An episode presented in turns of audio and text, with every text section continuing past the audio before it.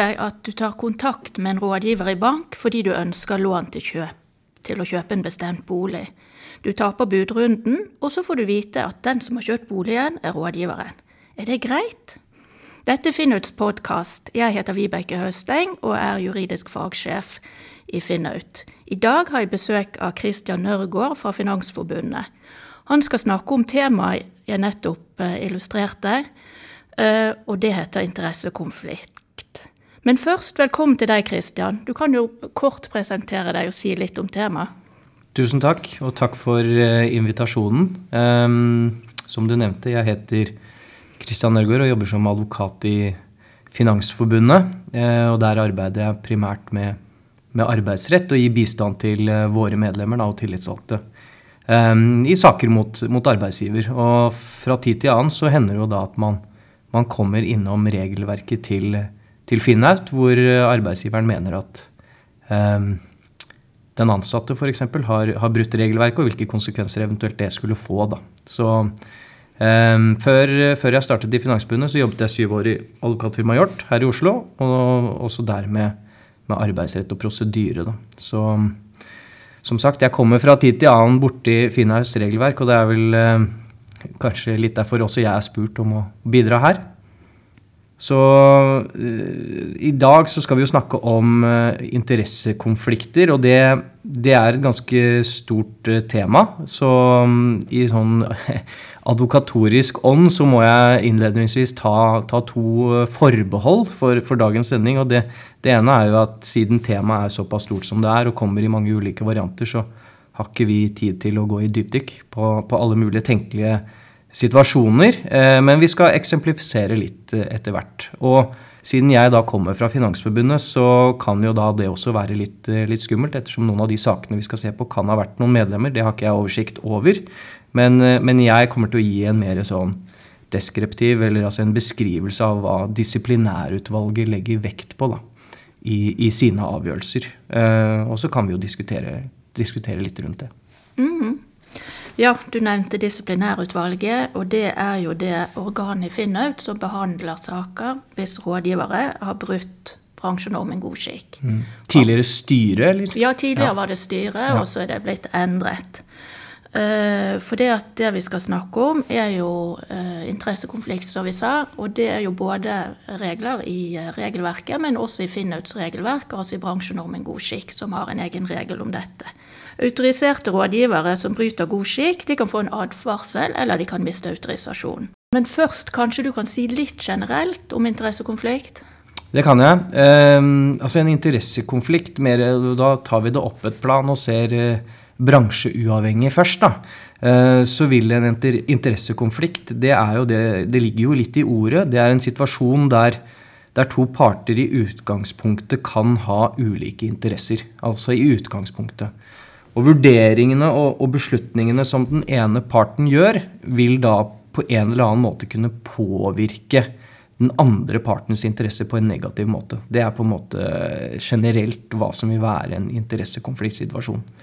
Og så er det ikke nødvendigvis alltid sånn at det vil være interessemotsetninger i, i det konkrete tilfellet, og det skal vi se på litt, litt senere. Men at uh, altså at typisk at i denne enkelte saken, denne enkelte avtalen, så er det et, en interessemotsetning mellom kunden og meg som, som selger, da, f.eks.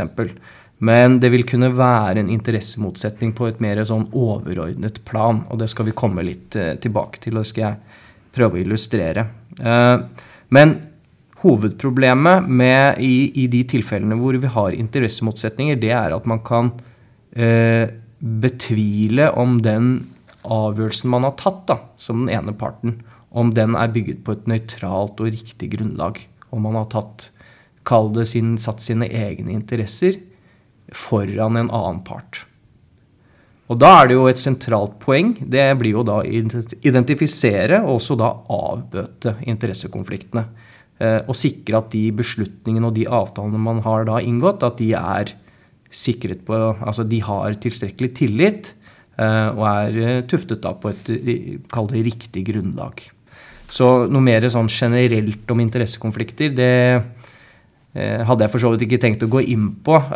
Men vi kan jo se litt kanskje i regelverket. Mm. Ja, for det er jo litt sånn som jeg sa, at både altså i finansavtaleloven, verdipapirhandelloven og alt regelverk eh, og forsikringsavtaleloven, alt regelverk som omhandler, eller i finansbransjen som vi er i da, mm. har jo regler om interessekonflikt. Mm. Og det er jo nettopp det med å sikre at kundens interesse i dette tilfellet skal komme foran eh, rådgivers eller bedriftens.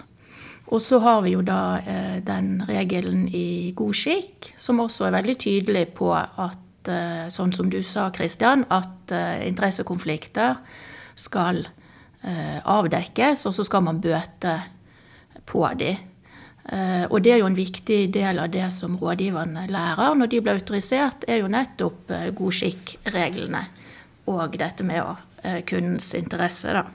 Ja, jeg har også sett litt uh, i, i, lovverket, og det er jo veldig spredt rundt omkring. Altså da i, på, i ulike bransjer, men, men, altså innenfor finanssektoren, da, som uh, er det mest sentrale her, så, så er det da verdipapirhandellovens 10.2, som du nevnte. Uh, også fra 1.7 så har man vel fått forankret i lovverket mer direkte da bestemmelser i forsikringsavtaleloven. Og så er det vel kanskje særlig finansforetakslovens 16.1 da, som har vært tradisjonelt i hvert fall, eh, man har forankret da videre Finnaut sine regler om bransjenormen god skikk. At, at de er på en måte hentet, Og interessekonflikter da, er, er hentet fra finansforetakslovens bestemmelse.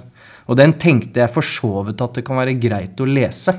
Mm. Eh, ikke det at jeg skal holde noen lang forelesning her, men, men det står at finansforetaket skal innrette sin virksomhet på en slik måte at det er liten risiko for interessekonflikter mellom foretaket og dets kunder, eller mellom foretakets kunder, eller for kundebehandling i strid med kravene til god forretningsskikk. Og så kommer det finansforetaket skal ha betryggende ordninger og rutiner for å identifisere og i tilfelle motvirke slike risikoforhold innenfor de ulike områder i virksomheten. Og det, Den bestemmelsen oppsummerer jo da hva som er pliktene her. Man skal søke å minimere risiko for interessekonflikter. Eh, og da må man ha et system internt for å, for å avdekke det. Og de, de, pliktene ligger primært på foretaket. Men så må jo selvsagt de ansatte da, og, og, rådgiverne være med her på å, på å søke å identifisere og, og avbøte det. Og ikke, ikke, gå inn i de situasjonene uten at man da har eh, kommentert det kanskje internt, eller tatt opp. da, og Åpenhet er et helt sentralt stikkord her, som vi kommer inn på litt senere.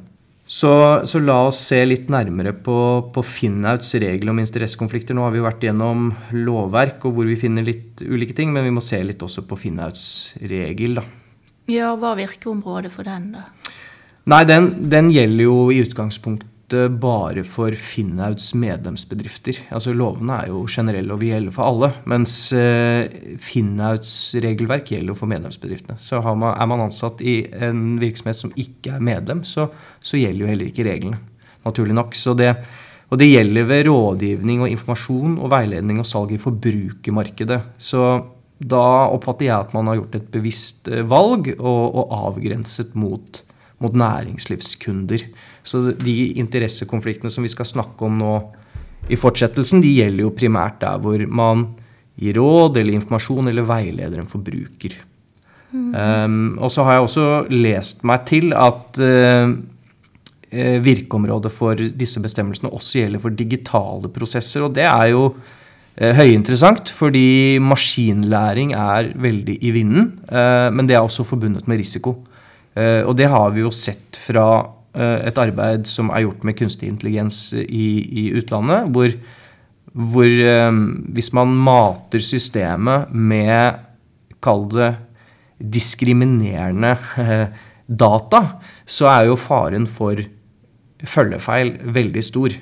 F.eks. i ansettelsesprosesser så har man jo sett at AI eller kunstig intelligens har fattet diskriminerende beslutninger.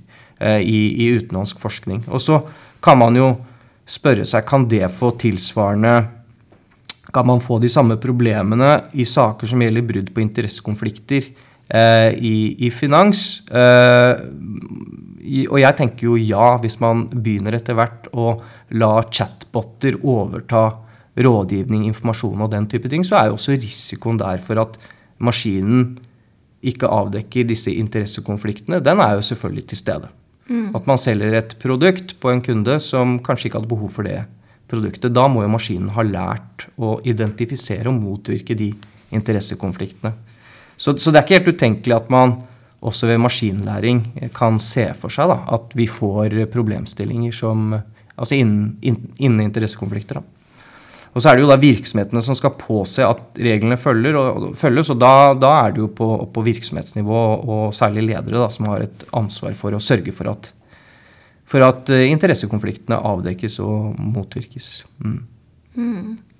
Ja, og du nevnte jo at, uh, at Finnots regelverk i utgangspunktet gjelder for medlemsbedriftene. Men nå uh, får vi jo ny finansavtale fra nyttår som også har en regel om tjenesteyters alminnelige plikter, som i forarbeidene til den henviser til god skikk eh, som bransjenorm. Så eh, man kan vel si direkte at det gjelder for Finnauts medlemsbedrifter, men eh, det gjelder vel i bransjen som sådan og vil kunne bli lagt, lagt vekt på i en konflikt. Eller i en, ja, i en mm. sak, da. Ja, da kan vi jo gå nærmere, se litt mer på, på Finnauts regel. Da, For nå har vi jo sett på lovgivningen, og hvem gjelder da eh, regelverket for og innenfor Finnauts område. Da. Og, og, da kan vi jo se litt nærmere på denne interessekonfliktsregelen. Og den er jo, som vi kanskje har vært innom, altså den er en del av et større hele. Eh, og da bransjenormen god forretningsskikk ved rådgivning og annen kundebehandling. Og god skikk det er jo en forholdsvis rund formulering. Altså hva er det? Det er ikke lett å sette fingeren på. Så, så da har man valgt uh, å, å, spalte den god skikk-regelen i, i Finnhaus regelverk opp i ti, sånn som jeg har skjønt det. da. Um, og hvor regel nummer seks er nettopp disse interessekonfliktene. og den den regelen sier at kundens interesser skal gå foran bedriftens og ansattes interesser, og at interessekonflikter skal identifiseres og motvirkes. Og dersom dette ikke er mulig, så skal kunden informeres tydelig om interessekonfliktene før avtale inngås. Så den bestemmelsen den sier jo det selvsagte først. Og det er jo at man skal sette kundens interesser foran sine egne. Og det kan godt hende at en bedrift og jeg som rådgiver og mine salgstall altså er best tjent med å tilby en kunde f.eks. lang nedbetalingstid på kreditt. Kan godt hende. Men at kortere nedbetalingstid kan være i den enkelte kundes interesse. Og da har man jo en potensiell interessekonflikt. Uh, og, og, pliktene som bestemmelsen oppstiller, det er jo at når en sånn konflikt eh, oppstår, så har man plikt til å identifisere og motvirke den. Det står direkte i annen setning her. Eh, og det betyr jo at hvis jeg da i eksempelet med, med, lang nedbetalingstid, hvis vi ikke tilbyr, da, min bedrift tilbyr den, en kortere nedbetalingstid f.eks., det kan hende det, eh, ja, da bør jeg jo opplyse kunden om det, og at kanskje rådet da vil være å, å se seg om etter andre tilbydere, om det er noen som tilbyr det kunden etterspør, da, med kortere nedbetalingstid. Eller som kan være best eh, tjent da, for kunden. Uh, så ja, det kan godt hende at jeg taper det, det salget. Men, uh, men, for å unngå å havne i en sånn interessekonfliktsituasjon, så er det kanskje det jeg må. I hvert fall gi kunden et informert Altså være åpen, sånn at kunden får, får tatt et informert valg. Det er jo da det som følger av tredje setning. Altså Dersom det ikke er mulig å, å motvirke en interessekonflikt, jeg gir tilbudet, men jeg, da skal jeg i hvert fall informere tydelig, står det, om interessekonflikten før avtalen inngås. Altså vi eh, kan ikke tilby så lang nedbetalingstid, men kanskje andre tilbydere har det. Mm, mm. Og Hvis man da går ut i markedet og ser at nei, det, det var det ikke, ja vel, da kommer kunden tilbake, da. Så får man salget likevel. Og så har man vært åpen. Mm. Så, så er det sånn disse reglene er jo forholdsvis rundt formulert. Og så, så er spørsmålet kan man si noe mer konkret om hvor grensene går. Uh, og det syns jeg er ganske vanskelig. Jeg har tenkt på en del før, før jeg gikk inn her. Men, og det kjedelige svaret blir jo da, som eh, jurister er veldig glad i å si, altså hvert tilfelle må vurderes konkret. Uh, men jeg tenker at i alle tilfeller, da, i praksis, så må jo nøkkelspørsmålet være nettopp det som er det sentrale i bestemmelsen. Altså Vil den avtalen som jeg nå er i ferd med å inngå, er den i kundens interesse, Eller inngår jeg nå en avtale eller gir råd som hvor mine eller bedriftens interesser trumfer eller overgår kundens? For det kan godt hende at vi har en Normalsituasjonen er selvfølgelig det motsatte av en interessekonflikt. Og det er jo viktig å få med seg det òg. Normalsituasjonen er interessefellesskap. Jeg ber om kreditt fordi jeg skal kjøpe meg bolig, og det gir banken på disse vilkårene. Mm. Flott. Har, eh, jeg får kreditten, jeg får kjøpt boligen, og så får eh, banken tjent på det. Så det, det er bra. Men, men det er, eh, jeg tenker at nøkkelspørsmålet alltid vil være om, om den avtalen man er i ferd med å inngå med, med denne forbrukeren, er den eh, i beste interesse for forbrukeren. Mm. Ja, her har jo finansnæringen et, et, stort ansvar, både i forhold til omdømme, men også i forhold til, som vi snakker mye om, um, det kunnskapsgapet som det er mellom rådgiverne og kundene normalt sett. Og også det at finansielle tjenester, det må man jo ha. Så man eh, kan ikke bare si at 'jeg vil ikke' og gå et annet sted. Eh, helt så, enig. Så man har et stort ansvar. Og det er, det er, jo litt her vi også ser uh, hvorfor vi har disse reglene òg. Altså, hvis vi kan snakke om reglenes formål. Fordi disse god skikk-reglene, etter hva jeg har skjønt, så skal jo de bidra til å sikre høy kvalitet og tillit og trygghet i kundebehandlingen. Og at det da vil være i kundens interesse, men også bransjens interesse. Da, for, å, for, å, ha tillit fordi man er en sentral samfunnsaktør. Og man er helt avhengig av den tilliten òg. Mm, mm.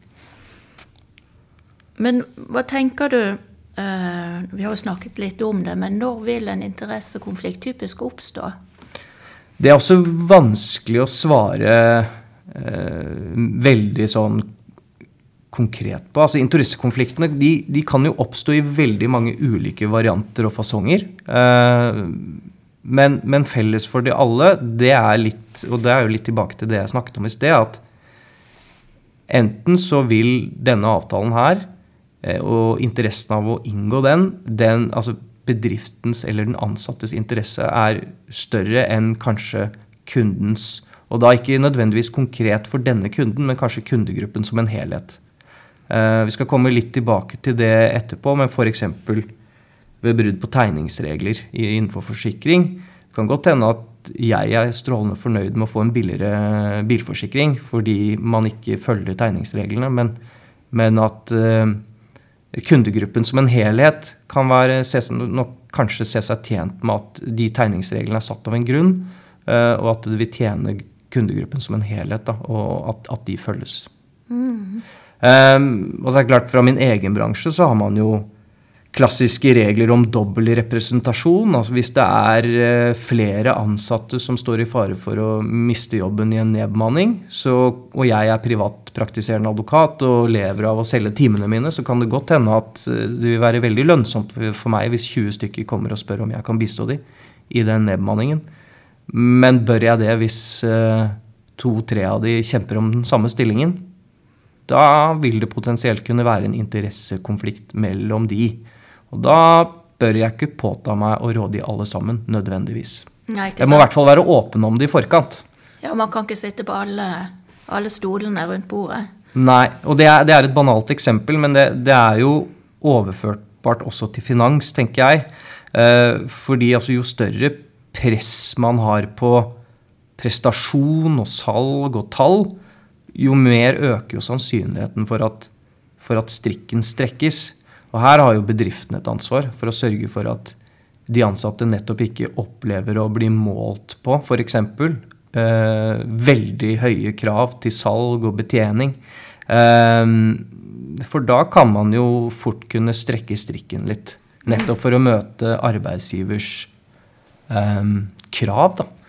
Eh, og da bør bedriftene ha et ganske sånn aktsomt og, våkent blikk på, på, de situasjonene der. At det vi på arbeidstakersiden kaller råsalg, da, altså at man har for, eh, for høye krav, så, så, kan strikken fort strekkes, så man da er, kan oppleve flere interessekonfliktsituasjoner. Da.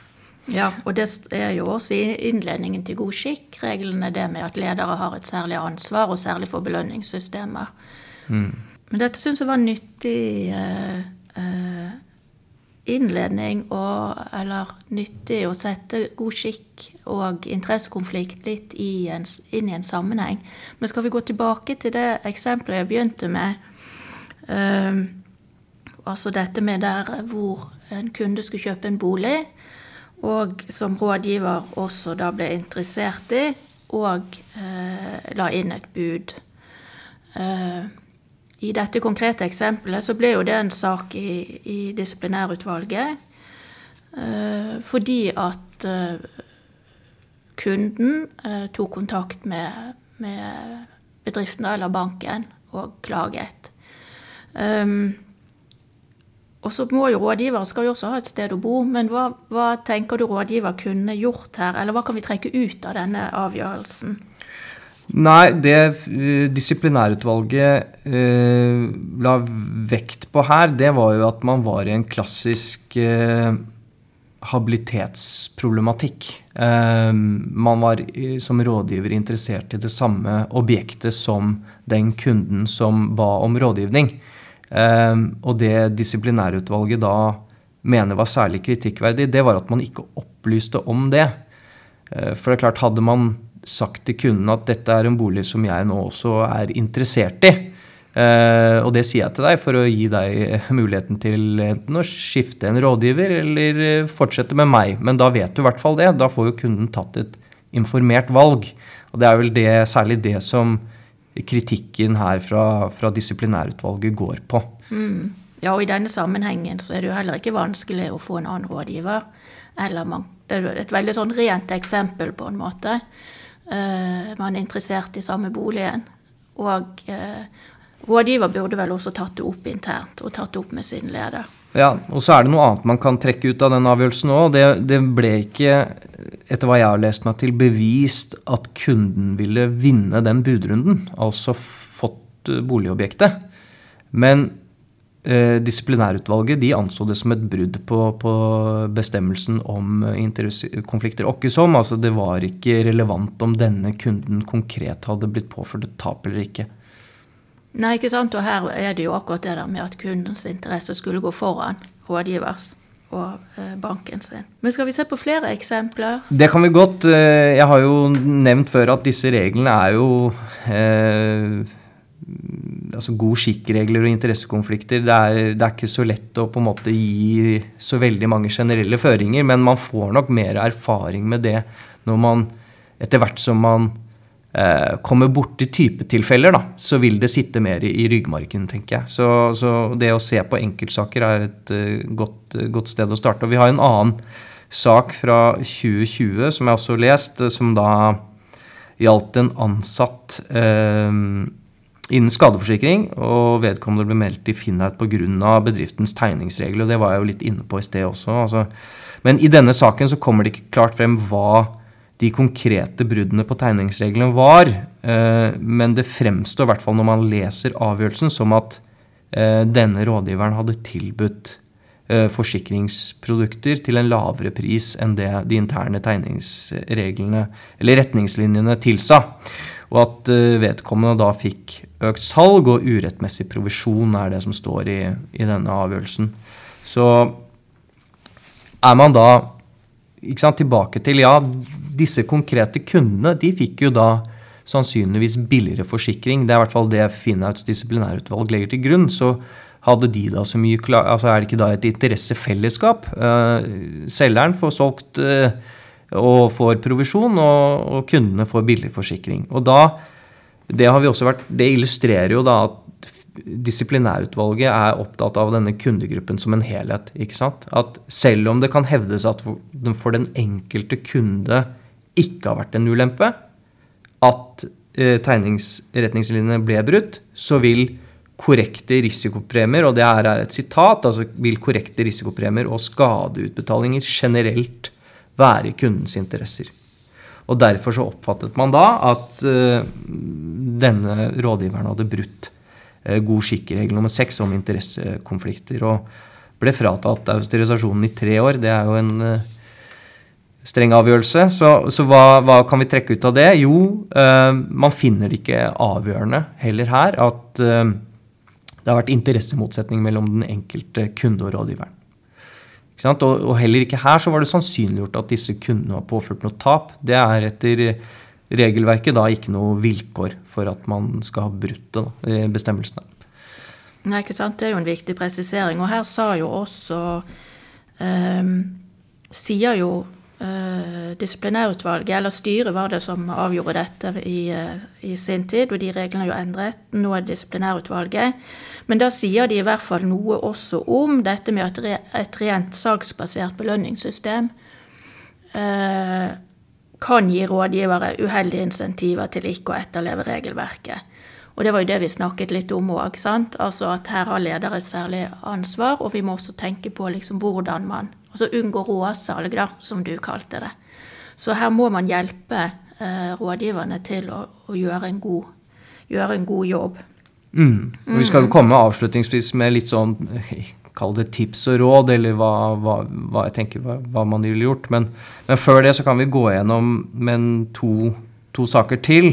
Mm. For å på en måte illustrere litt hvordan disse interessekonfliktsituasjonene oppstår. da. Eh, og det gjaldt en, en, forholdsvis fersk sak fra 2022, altså i år. Eh, men den gjaldt innen sparing og investering. Og der var tilfellet at en rådgiver og nå, Det er sånn det er beskrevet i disiplinærutvalgets avgjørelse. altså Det var en rådgiver som da hadde sagt opp sin stilling hos arbeidsgiver for å starte hos et annet foretak. Men, men i oppsigelsestiden så hadde da rådgiveren eh, gitt et råd til en, en, kunde om å avstå fra å investere midler i et av eh, da arbeidsgivers produkter. Eh, sånn at de da var bundet opp, sånn som jeg forstår det. Og det kom jo ikke direkte frem her heller, men, men anklagen, eller eh, det man anser som motivet, har jo da vært at man skal da få denne kunden til å heller investere når man da har kommet over i nytt arbeid. Og da er jo spørsmålet har da eh, den egeninteressen i at man da får et uh, salg da, eller en tegning eller hva man skal kalle det, hos sin nye arbeidsgiver, trumfet uh, interessen til, uh, til, denne kunden ved at man da skulle altså investere disse midlene hos eksisterende arbeidsgiver. Og der var disiplinærutvalget ganske tydelige. altså kundens interesser skal alltid gå foran ansattes interesser. Det, det står i eh, god skikkregel nummer seks.